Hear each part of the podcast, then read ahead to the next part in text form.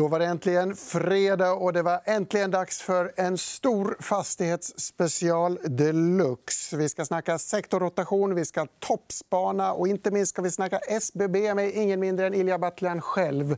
Det här är EFN Börslunch XXL.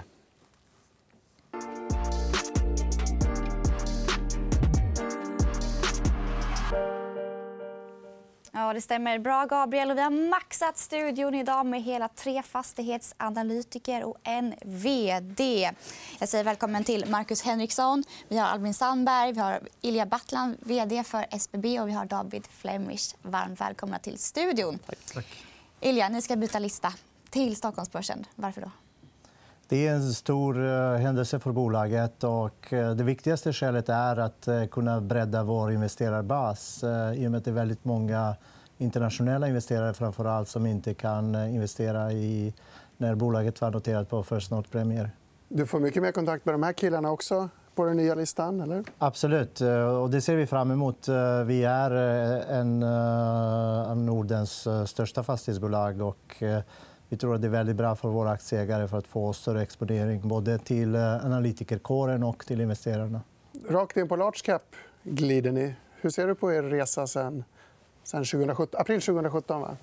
Ja, vi, jag grundade bolaget eh, mars 2016. och eh, Vi har varit på, på tillväxtmarknaden på First North sen april 2017 och eh, växt eh, för att bli Nordens ledande aktör när det gäller eh, social infrastruktur. Det vill säga samhällsfastigheter, äldreboende, skolor och svenska hyresrätter. Mm. Vi ska prata en del om värderingar här såklart senare. Hur ser du på, på sektorn just nu?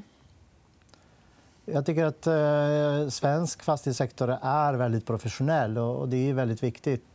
Det finns eh, väldigt många aktörer med lång erfarenhet som har varit med och byggt upp stora bolag. Eh, och eh, jag tror att det finns goda förutsättningar att eh, man värderar mycket mer de starka kassaflöden som många av fastighetsbolagen kommer att producera de närmaste åren. Kommer det att fortsätta gå lika bra för fastighetsbolagen som vi har sett nu historiskt senaste året?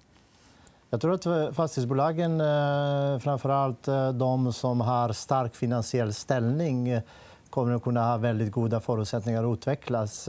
Samtidigt tror jag det finns en del bolag som, eh, som har eh, lite korta pengar och lite sämre finansiell ställning. Så att det kan bli också eh, lite, lite affärer. och, och det kan hända rätt mycket i, i fastighetssektorn. Men just det låga räntemiljön är väldigt bra för fastighetssektorn.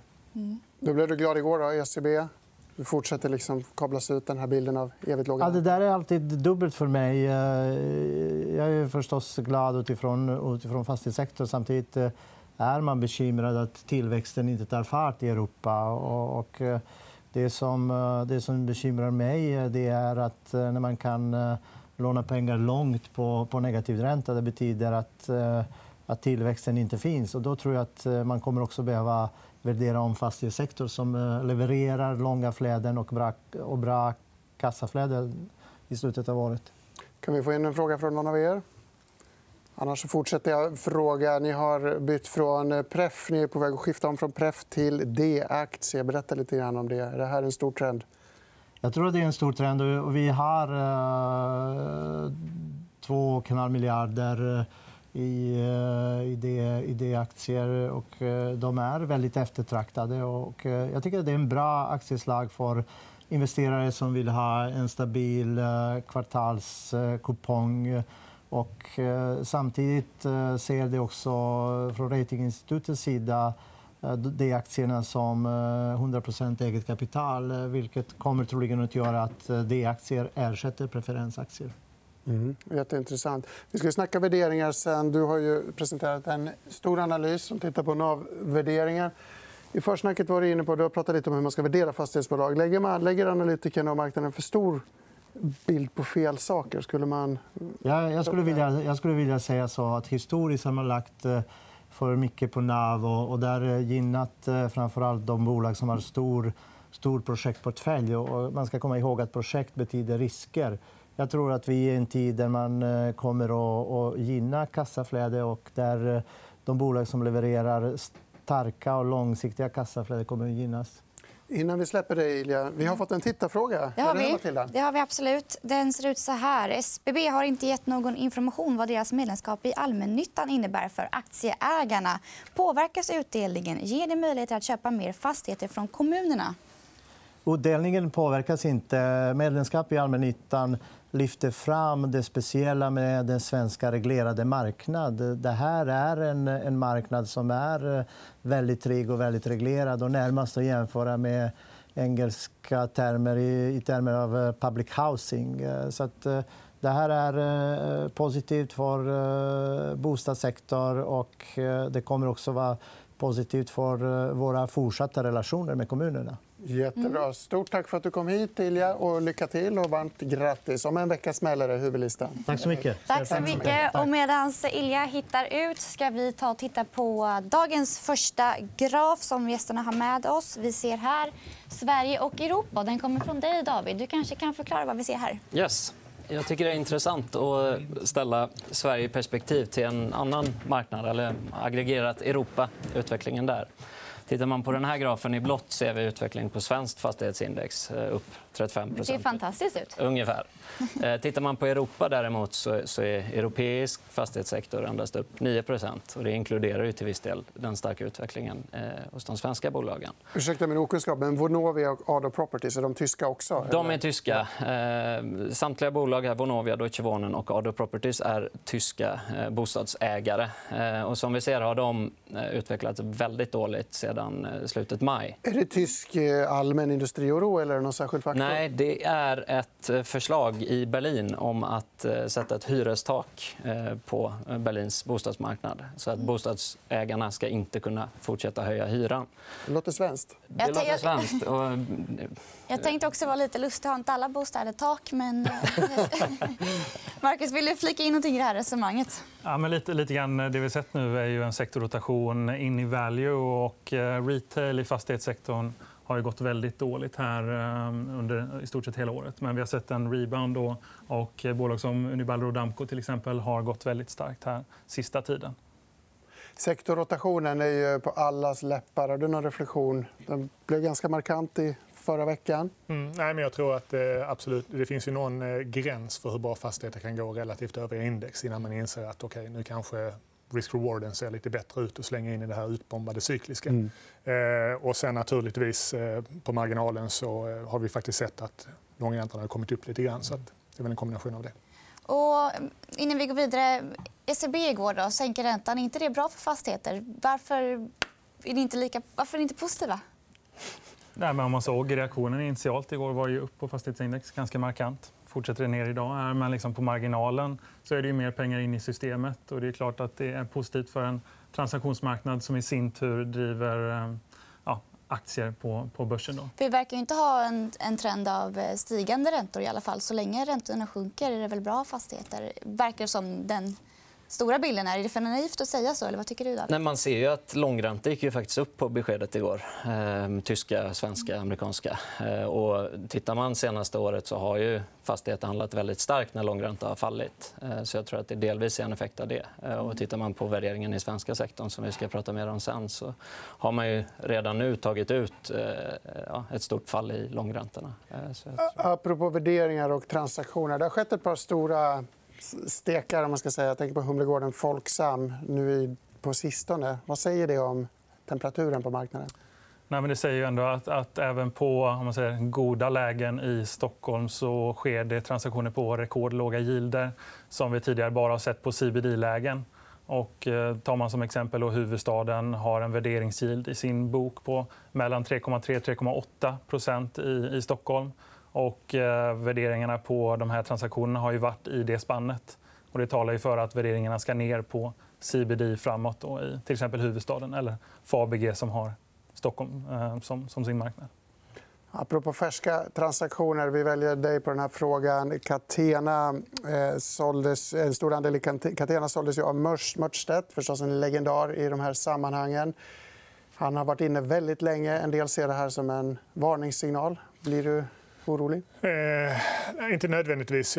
Det var intressant att se att det var en stor holländsk pensionsfond som klev in istället. Eh, som har bland annat ägt svenska fastigheter under lång tid, inte minst via Castellum. Så, att säga. så det var en bra ägare som har kommit in i bolaget också.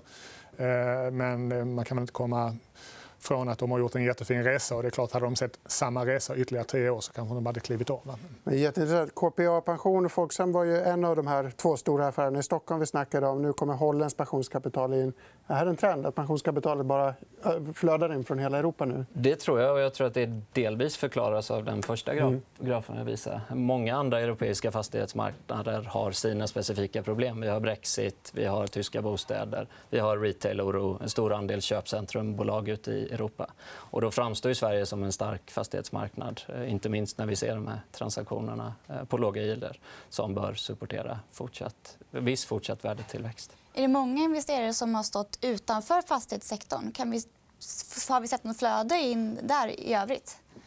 Min bild är att, att många generalister har varit underviktade fastigheter många år nu. Eh, och Någonstans finns det väl en oro att fastigheter ska fortsätta upp så man eh, täcker sina undervikter i viss mån. Eh, därifrån har vi säkerligen sett en del flöden in i fastighetssektorn. Tror jag. Sen har vi även sett en del momentum som har kommit mm. in i och med att, i och med att fastighetsaktier har gått så pass bra.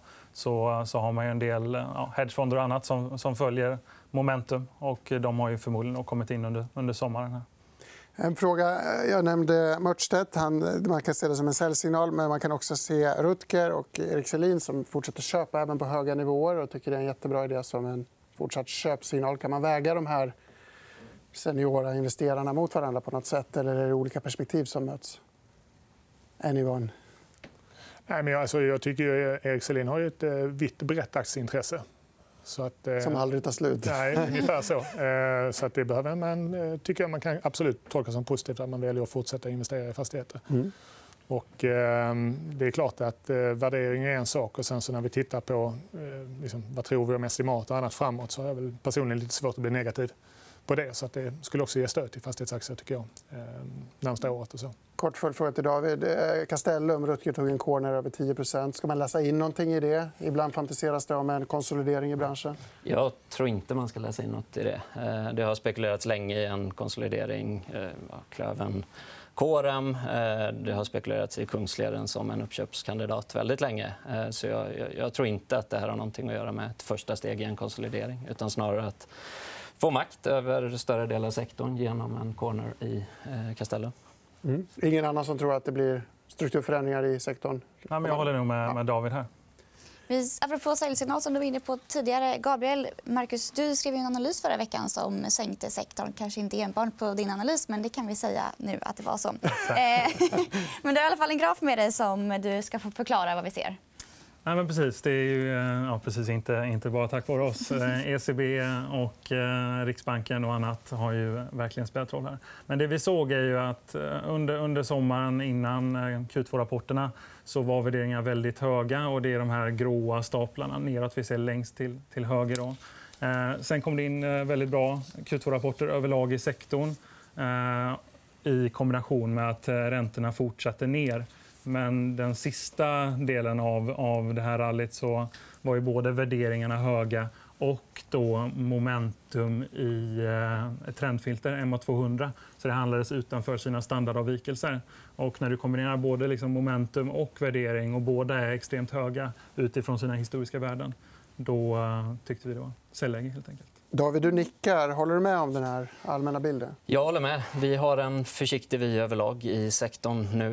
Eh, sen har inte, har inte vi haft samma timing som Marcus, men eh, vi håller med. Om... Säga vad man vill, det var en extremt vältajmad analys. Ja. I alla fall. Albin, får vi din syn här också? Nej, men det är absolut. Ehm, och det var ju lite som sagt med, med rotationen också. Att eh, så bra som fastigheter hade gått. Menar, ingen av oss hade kanske justerat upp navet 40 mm. under året. Mm. Men eh, med det sagt så, så tror jag ändå liksom fundamentalt de närmsta 12 månaderna. Jag tror att navet står högre i sektorn om ett år än vad det gör idag. Så att säga. Så att, eh, jag blir liksom inte negativ bara på värdering.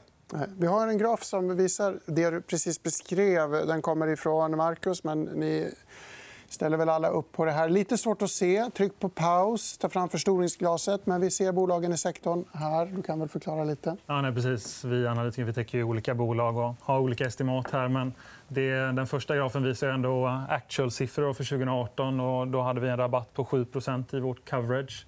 Eh, nu har ju aktierna i år då på vår prognos kommit ner till 13% premie. När vi släppte analysen så var det uppe på 25% premie. Så att det har ju kommit ner markant. Här då. Jag håller med vad, vad Albin säger. att Vi tror ju på en, en NAV-tillväxt framåt. Och det kan vi kanske se i nästa graf. Här då. Där har vi den. Ja, så, så vi tror att bolagen överlag fortsätter att växa sina NAV framåt. Eh, här är det korta perspektivet, att gilderna ska ner lite till. Framförallt på kontor och, och mycket på logistik. Eh, men sen är det ju att det är starka kassaflöden i många av bolagen och det driver upp substanstillväxten. Mm. Svårt att hitta vinnare i den här kompotten. Ja, ni verkar väldigt negativa nu. Men alltså, om man tittar intrasektorn och jämför hur vissa bolag har gått så är det ju, man kan tycka vissa ser ju fastigheter som commodities. Vad skiljer ett mm. fastighetsbolag från ett annat?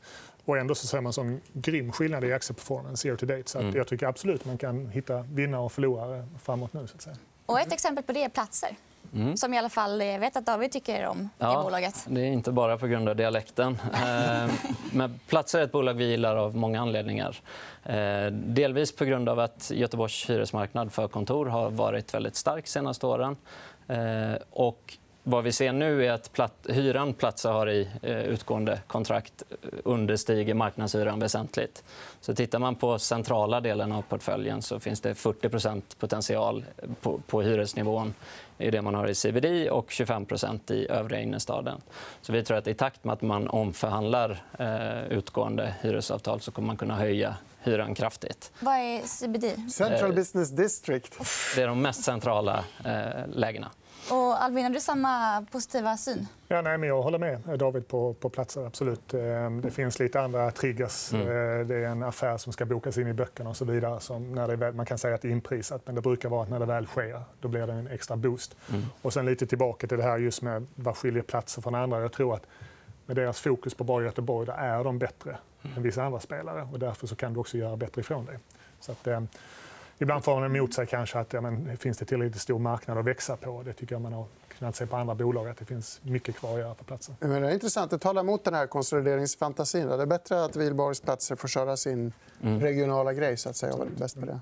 Finns det andra bolag som eh, är på andra geografiska platser som påminner om platser i Göteborg? Jag tänker Diös och... Fabege är ju i Stockholm. Mm. De bolagen tycker vi är lika i sin natur. Eh, Men de har högre värdering? eller? För närvarande, ja. Men vi gillar också att Platser har en, stor projektportfölj i form av logistikbyggrätter. Det är ingenting man har gjort tidigare, utvecklat logistikfastigheter. Men är det någonting aktiemarknaden har värderat upp globalt sett de senaste åren så är det logistikfastigheter. Ska vi glänta på stendörren också innan vi tar helg? Du har inte köpt på den, tror jag. Nej, precis. Vi tog ner den till hold här förra veckan. Men eh, vi tycker det är ett eh, attraktivt case på, på lång sikt. Och det är logistik här som, som David lyfter fram. Det har gått väldigt bra.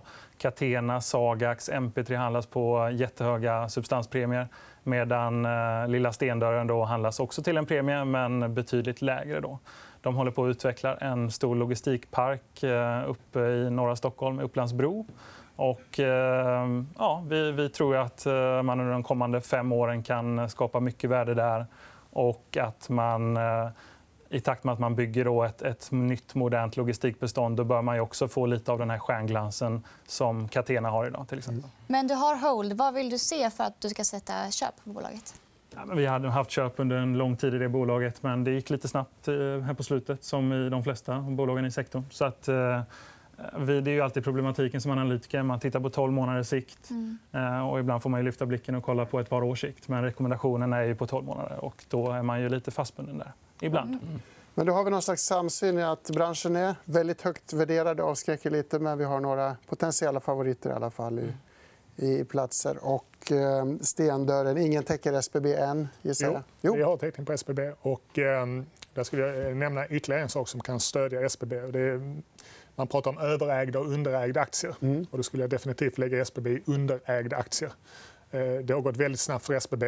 Gillar är en stark person, delar åsikter, vilket är positivt. Mm. Så att jag tror att det finns väldigt mycket marginalköp av SBB-aktien.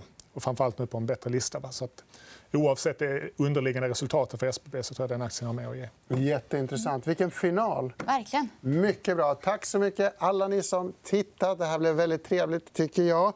Nu är det tyvärr helg. Då kommer vi inte sända någon börslunch förrän på måndag. Men då blir det lite strategisnack. Då kommer Marie Giertz och Erik Nordenskjöld. Dessutom kommer Lindabs vd Ola Ringdahl. Häng med oss då. Trevlig helg och tack för att ni kollat. Som sagt. Tack så mycket. Tack för att ni kom. Tackar, tackar.